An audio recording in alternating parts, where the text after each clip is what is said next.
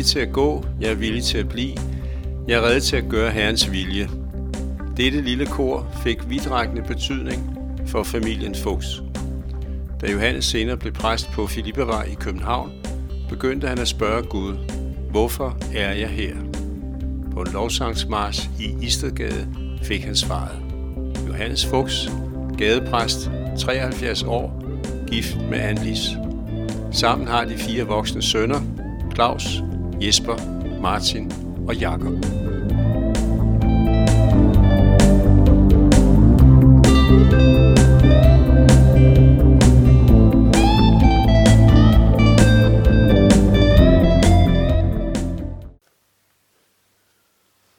Velkommen, Johannes, og jeg vil starte med at spørge, hvordan tjente du dine penge, da du var dreng?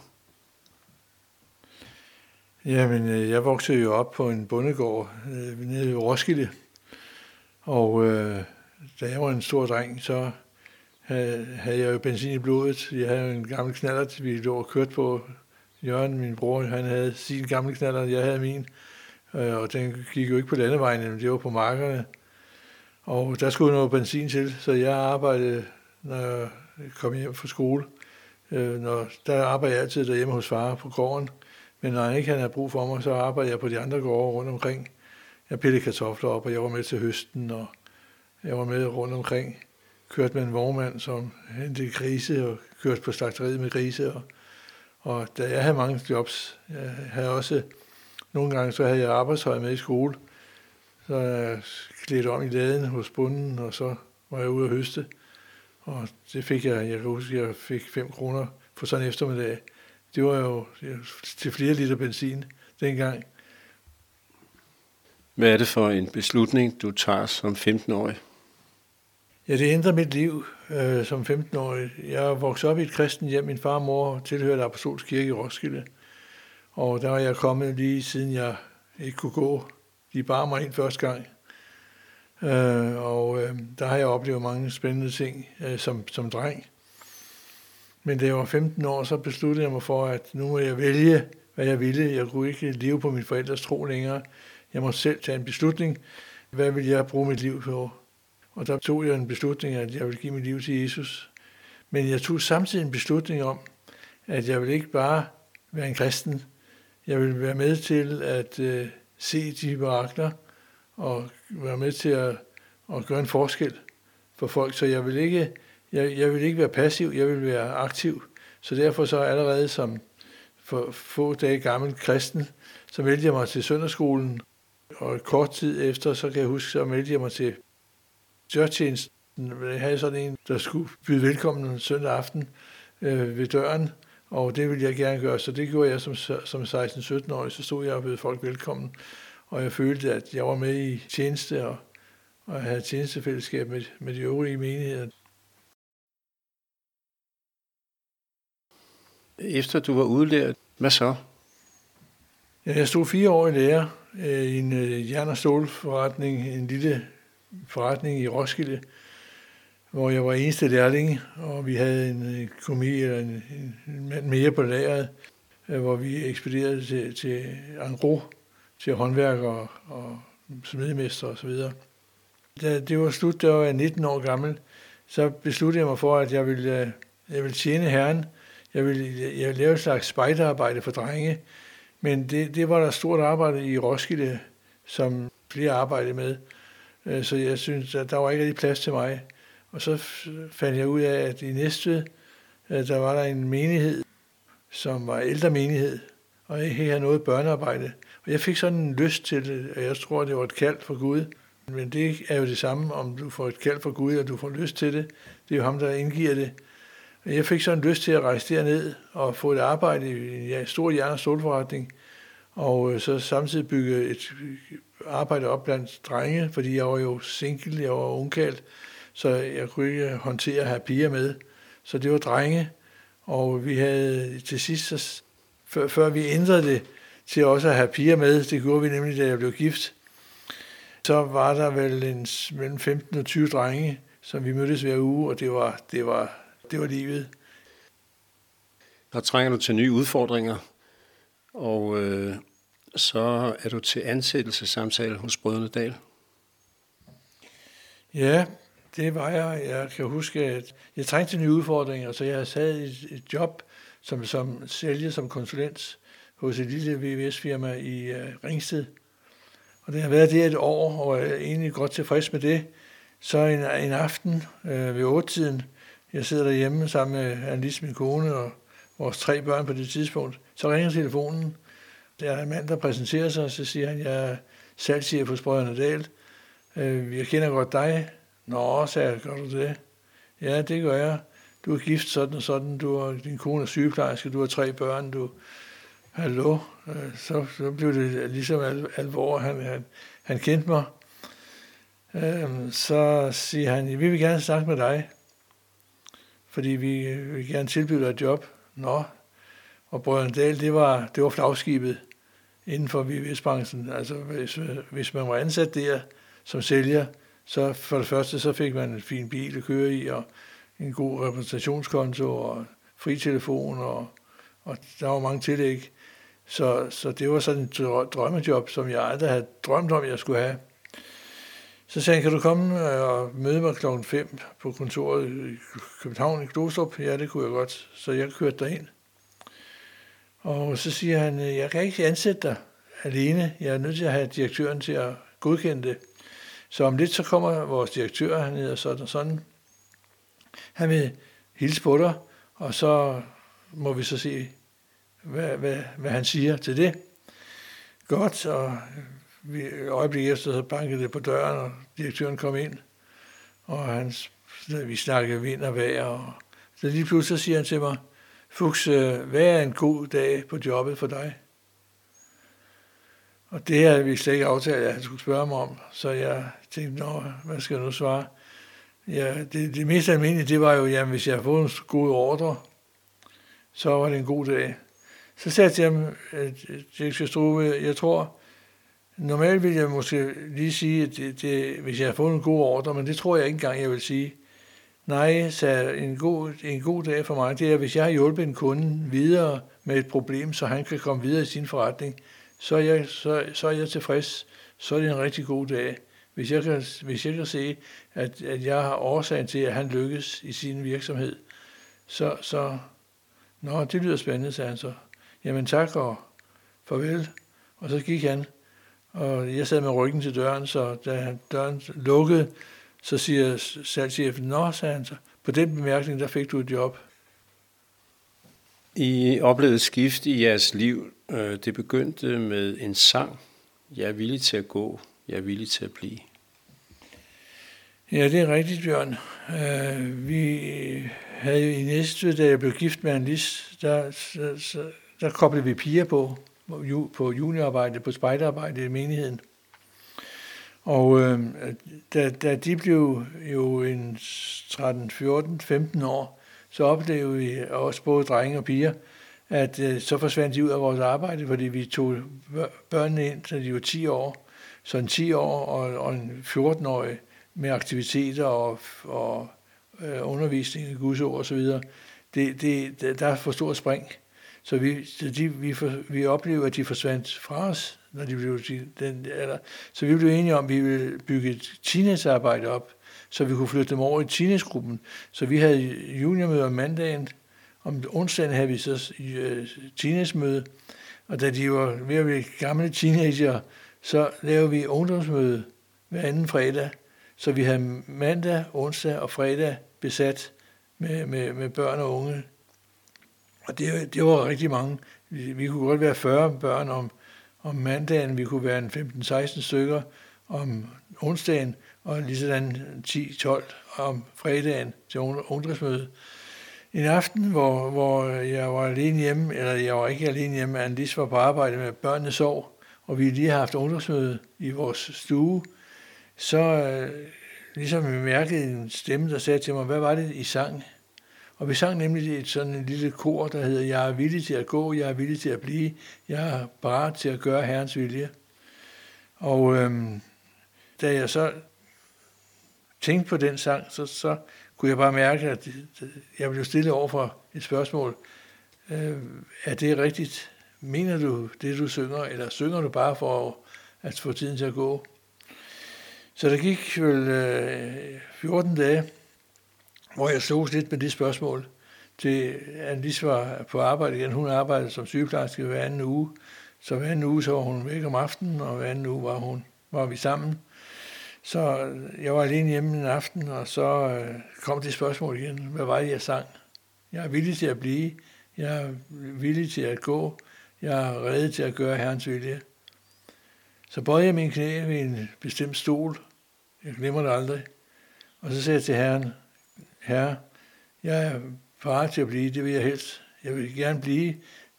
Børnearbejde, ungdomsarbejde, det blomster. Det er spændende, og vi er involveret på fuld tid. Men jeg er også parat til at gå, hvis det er din vilje. Og så, da jeg rejste mig op, så tænkte jeg, nu skal du sige dit job op. Nu skal du sælge dit hus, fordi nu skal du videre. Det kunne jeg bare mærke. Og det blev starten til, at tanken om Bornholm voksede frem i vores tanker. Og vi, øh, vi tog den beslutning at øh, sige ja til et kald til Bornholm, og skulle være præstepar for en lille menighed, øh, der var vel kun 10-15 medlemmer, da vi, da vi kom derover. Og da vi 5-6 år siden efter rejste, der var jeg 53 til vores afskedsfest, så, så det var en god tid. Oplevede du at få bekræftet det kald i kirken i Næstved? Ja, det gjorde jeg på en, på en speciel måde, da vi havde, da vi havde bedt over det og talt om det, Anissa og jeg, at vi skulle flytte. Så kom den tid, hvor jeg var nødt til at sige det til vores præst. Øh, så jeg kørte ned en morgen, inden jeg kørte på tur med, med mit firma. Og så mødte jeg med, med præsten på hans kontor, så sagde jeg til ham, Niels Jørgen, nu må du grine eller græde, eller hvad du vil, men nu, jeg har noget, jeg skal dele med dig. Jeg tror, det er for Gud, men nu må du bedømme det. Eller helst tænker jeg, så hvis han siger, at det passer ikke, så vil jeg være, vil jeg være meget glad. Fordi det var skræmmende øh, at skulle flytte til Bornholm med tre børn. Så sagde han, det er fuldstændig rigtigt, sagde han, så jeg har haft det på samme måde. Så jeg har bare ventet på, at du skulle komme og fortælle det. Og for øvrigt sagde han så, vi indsatte dig som menigheds, i menighedsledelse for noget siden. Og ved den lejlighed, der sagde en af de andre fra menighedsledelse, at øh, nu er det et spørgsmål om, hvor længe vi får lov at beholde dem. Og så havde præsten så sagt, hvad mener du med det? Så har han svaret, jeg tror, de skal til Bornholm som forstanderpar på menigheden. Og det nævnte de ikke for mig eller for en lis, men ikke før vi kom og sagde selv, at vi havde det på hjertet, så bekræftede de det. Og det, er, det, det, var, det var vigtigt for os, fordi hvis vi ikke havde haft den bekræftelse, så er jeg ikke sikker på, at vi var blevet på Bornholm. Du oplever en nedtur på Bornholm? Ja, det, en nedtur er måske så meget sagt. Øhm, men det er jo igennem kriser, vi bliver vejledt. Og det er gennem kriser, at vi, vi kan forandre vores liv. Vi havde en krise, kan man sige, fordi Annelise blev syg på Bornholm. Hun fik ledegigt og øh, var, var meget angrebet af det. Jeg lå på hospitalet, og det var langt væk fra familien og venner, og vi havde ikke nogen sådan familie i nærheden, som kunne vi hjælpe os. Vi havde, øh, imens havde vi fået barn nummer 4 på Bornholm. Han var på det tidspunkt et år og jeg, jeg arbejdede i Næksø. Jeg, jeg, jeg var ikke lønnet af kirken, men jeg var, havde mit, eget arbejde, altså mit arbejde ved siden af. Jeg var arbejdet som kontormand i et stort VVS-firma i Næksø. Så jeg havde en tre kvarters kørsel. Jeg skulle møde klokken 7 om morgenen og var hjemme, når klokken var halv seks. Så skulle jeg hjem og passe menighed og kirke og børn og lave mad. Og så, så på et tidspunkt, så var jeg jeg havde ikke nedsur, men jeg var i krise. Jeg var i vir- virkelig krise. Så en dag jeg kørte hjem fra Næksø, så, så havde jeg sådan, at øh, jeg, ligesom jeg stod på kanten til en afgrund, og spørgsmålet var, om jeg faldt ned i den afgrund, så vidste jeg, så kommer du aldrig op igen. Så, så der var mørke, øh, men jeg var lidt desperat. Hvad skal jeg så gøre for at, øh, for at for at holde mig væk fra den afgrund i mørke? det var sådan en sindstilstand. Jeg følte, at, at det, det kunne gå rivende galt. Så jeg var alene i bilen og tænkte, hvad skal jeg gøre? Så stod der en dreng og tomlede ved Kirkeby. Så, øh, så tænkte jeg, ham tager du med op, fordi så afleder han lidt af mine tanker, så kan vi snakke om noget andet, og så øh, kommer jeg hjem, og så, så er det overstået. Fordi jeg var træt, jeg var, jeg var udmattet, jeg, jeg tabte mig jo øh, i den tid og, og i den periode. Øh, men så, så stoppede jeg for knægten, hvor, hvor skal du hen? Ja, han skulle til Rønne. Fint, sagde jeg, det skal jeg også, du kan køre med mig. Og så smækkede han døren og satte sig til rette ved siden af mig. Så sagde han, og nu skal jeg bemærke, at, at han aldrig mødt mig før, og jeg vidste ikke, hvem han var. Han vidste ikke, hvem jeg var. Jeg var vildt fremmed, han var vildt fremmed for mig. Så, så da han har lukket døren, så siger han, øh, du siger han, øh, jeg kommer i sådan et øh, spejderarbejde hos Luthers Missionsforening her i Åkirkeby. Men det der med Jesus, du, det kan jeg bare ikke finde ud af. Nå, det kan du ikke, sagde jeg, så nu skal jeg fortælle dig det. Og så brugte vi de næste 20 minutter til at fortælle om, hvorfor Jesus døde på korset. Øh, Jesu tilgivelse, hvorfor han råbte, min far, min far, hvorfor forlader du mig? Fordi, fordi vi som er blevet forladt, vi som er blevet forkastet, øh, vores forkastelse tog han på sig. Og alle de ting, som nu hører til korset, gennemgik jeg sammen med ham. Da vi så kom til Rønne, sagde han, kan du sætte mig af på det gadehjørne? Ja, det kunne jeg godt. Tak fordi det, du har delt med mig, sagde han, øh, det har virkelig hjulpet mig til at forstå, hvorfor Jesus skulle dø på korset. Tak skal du have. Så lukkede han døren, og så lød der en stemme til mig. Hvis du koncentrerer dig om at fortælle mennesker om evangeliet, så vil, så vil jeg så vil jeg klare dine problemer. Så vil jeg løse dine problemer for dig. Og det gjorde han. For det øjeblik, jeg der voksede menigheden, han lige blev rask. Vi havde succes. I København, så har du et spørgsmål til Gud. Hvorfor er jeg her? Jamen det var fordi, vi var kommet til København, og øh, på, på, på, på Stenbroen, og jeg er født på landet. Jeg øh, er øh, vant til at jeg skal køre med to heste og, og pløje og have. Og, og, øh, og vi boede på Bornholm, hvor vi kunne se færgen komme ind og, øh, om morgenen og, fra vores sovekammervindue og så ud over Østersøen og, og, og elsker naturen. Pludselig så boede vi i København. Vi havde præstefællesskaber, der var så mange forkyndere, og jeg synes, at øh, hvad i alverden jeg er gået ud af 7. klasse og har en lille handskoleeksamen, og har aldrig været på bibelskole og studeret Guds ord på, på den måde, andet end jeg har tilegnet mig det at være på kurser og læse og studere selv, og være til mange gudstjenester og lytte til mange prædikner. Så, så jeg tænkte, hvorfor, hvorfor er vi her? Der er så mange gode forkyndere og så mange gode præster. Hvorfor os? Så det satte jeg mig for, at, øh, at det vil jeg finde ud af. Fordi jeg, jeg er sådan indrettet, at, øh, at Gud taler på en eller anden måde til os. Vi ved ikke helt hvordan, men han vil gøre det, hvis vi spørger ham ad. Så, øh, så jeg satte fredag formiddag af til at, at bede, og, og samtidig gik jeg ud fra Pæklingsgade, hvor vi boede ude ved Amagercenteret. Så gik jeg ind til Christiansborgs øh, Slotplads, øh, over til strøget og op ad strøget til Rådspladsen og tilbage igen. Og det tog mig sådan to, to timer, to og en halv time, hvor jeg bad her, hvad, hvad er jeg her for? Hvor, hvorfor er jeg her? Og imens så prædikede jeg og begravede mennesker og hvide folk, og hvad jeg ellers skulle, besøgte folk, som, som en præst skulle gøre. Men hver fredag så bad jeg, hvad er din vilje? Der må være en dybere mening. En dag så ringede der en lovsangsgruppe, der hed Baraka, så ringede de til mig. Så sagde de, Johannes, vi skal lave en lovsangsmars ned gennem Istegade. Vi vil gerne have en præst med. Og øh, vi kender ikke nogen, der er bedre til det end dig. Fordi du har gået sammen med Moses, de er vant til at gå på gaden, og, og du, har, du har erfaringer med sådan noget. Øh, kan du ikke gå med os? Vi vil starte ved, ved hovedbanegården, så vil vi gå ned til Lyrskovsgade, så vil vi have sådan en musikandagt om aftenen. Jo, det vil jeg gerne. Så jeg mødte op, og vi har gået 200 meter, så, så så jeg noget, jeg aldrig har set før. Jeg så øh, narkomaner, der sad med en sprøjte i armen, og, og prostitueret, og, og det var, jamen, jeg var rystet. Hvad i alverden havde, havde vi så noget i vores by? Jeg har aldrig været i Istegade før. Der har min mor altid sagt, at jeg ikke måtte komme. Øh, så jeg har ikke været der i det område før. Så jeg var, jeg var, jeg var chokket. Men så midt i det hele, så, så talte Gud til mig. Så sagde han, det er for de her mennesker, jeg har hentet dig til København. Det er for deres skyld. Og, og så sagde han til mig, jeg vil, du skal bygge en kirke op for dem for, på gaden. Og det gjorde jeg.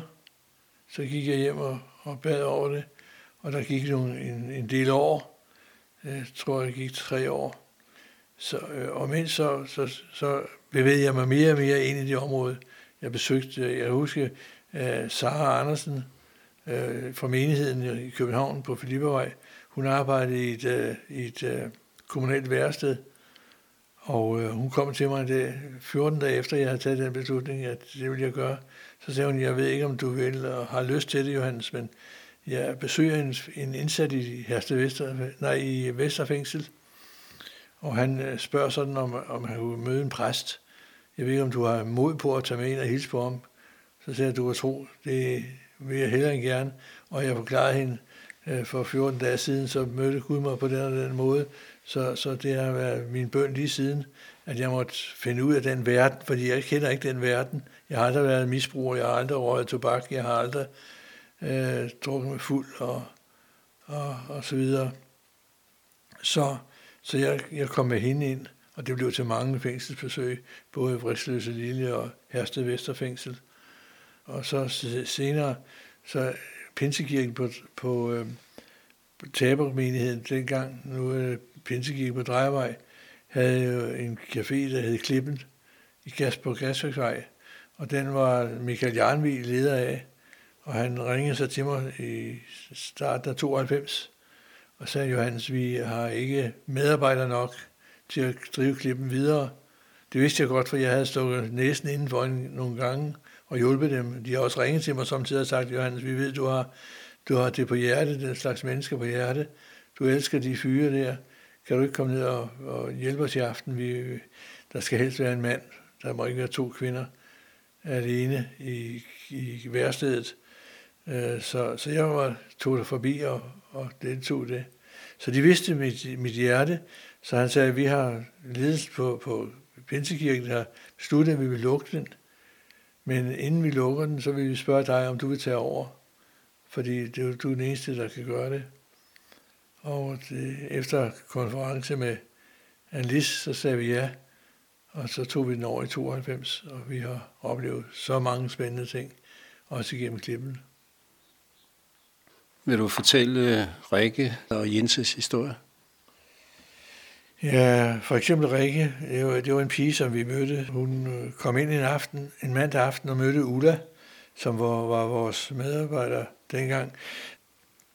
Hendes historie var, at hun var prostitueret og narko, narkopusher. Øh, så havde hun et lille barn på et års tid.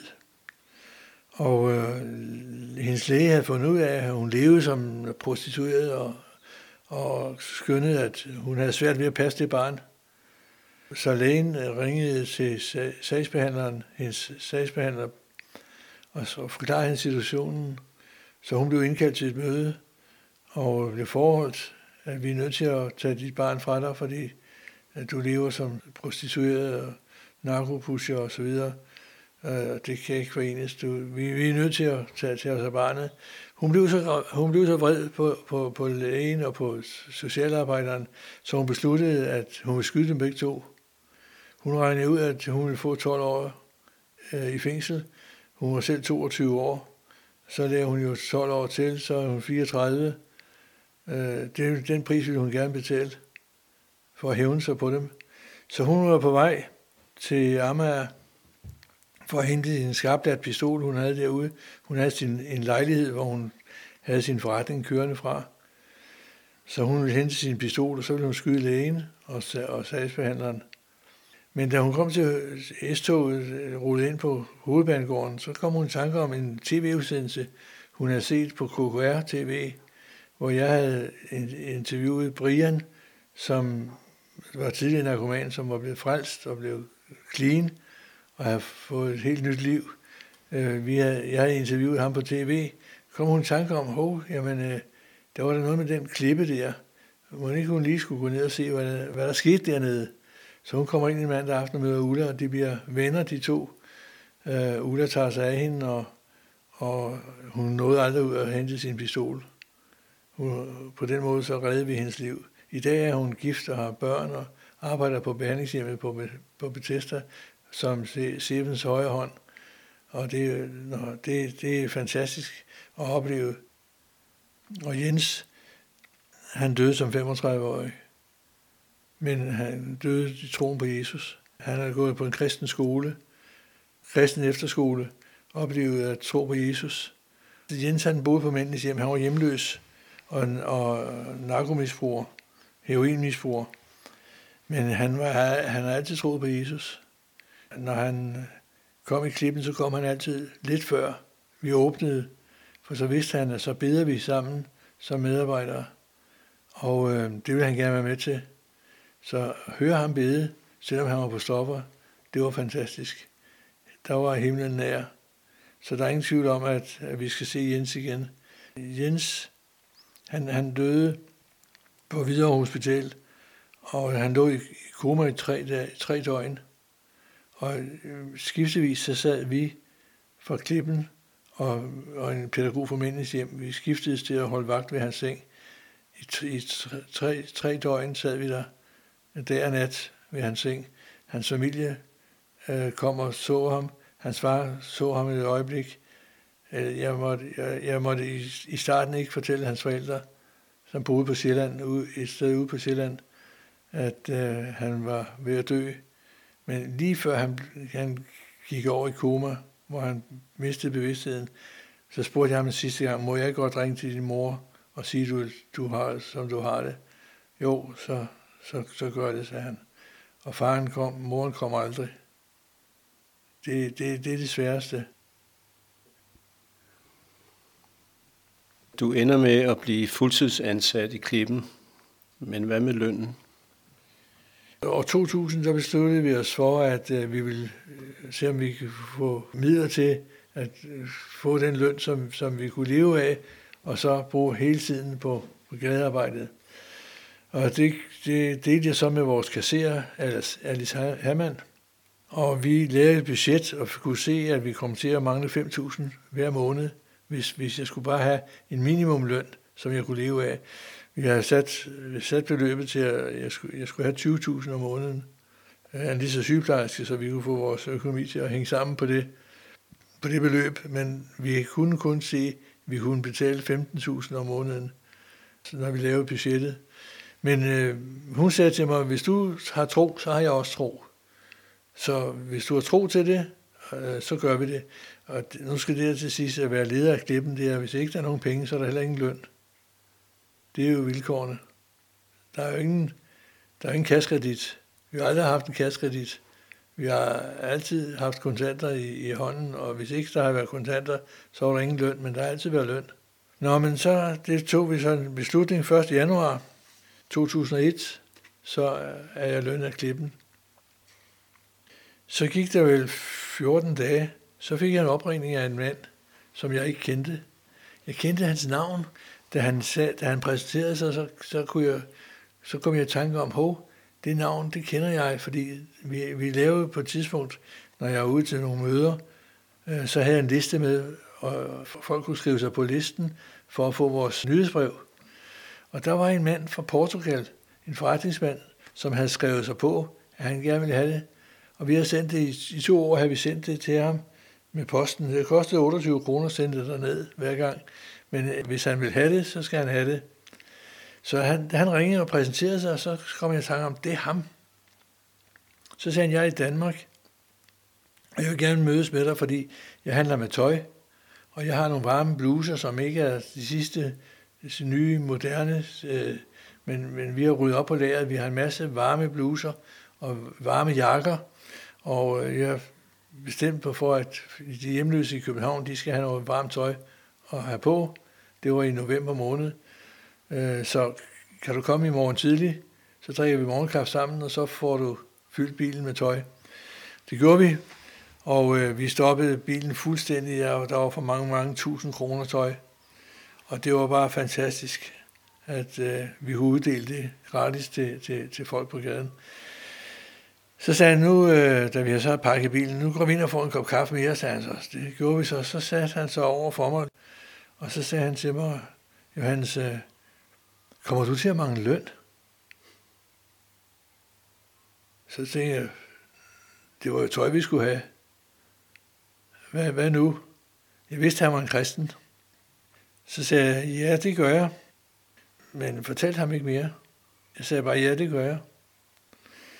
Så sagde han, øh, jeg tror, at Herren har talt til mig om, at jeg skulle lønne dig med et fast beløb. Nå, Jamen, det var spændende. Og så ventede jeg bare på beløbets størrelse. så sidder han lidt, så siger han, jeg tror også, Gud har givet mig et beløb. Nå, det lyder spændende, sagde jeg så. Vil, vil du fortælle mig om det? Ja, sagde han så. Hvad siger du, hvis jeg siger 5.000 om måneden? 15.000 og 5.000, det er 20.000. Det var nøjagtigt det, vi, det vores budget løb på. Så, så det fik jeg fem år. Hver, hver måned, så kom der ind på min lønkonto. Og med lønafregning og det hele, der var ingen fiduser i det. Hvad skal jeg gøre til gengæld, spurgte jeg ham om. Du skal bare bede for mig, sagde han. Og så skal du passe dit arbejde på gaden. Og det har jeg gjort. Da han lukkede sin forretning i, i Danmark, da, der var gået fem år, så luk, lukkede han sin forretning i Danmark. Og så havde klippen økonomi nok til, at de kunne lønne os.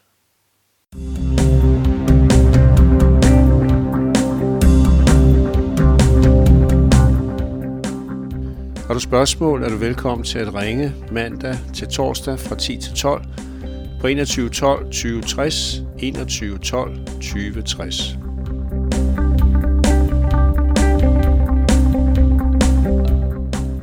Optaget og redigeret af Bjørn Hansen. thank you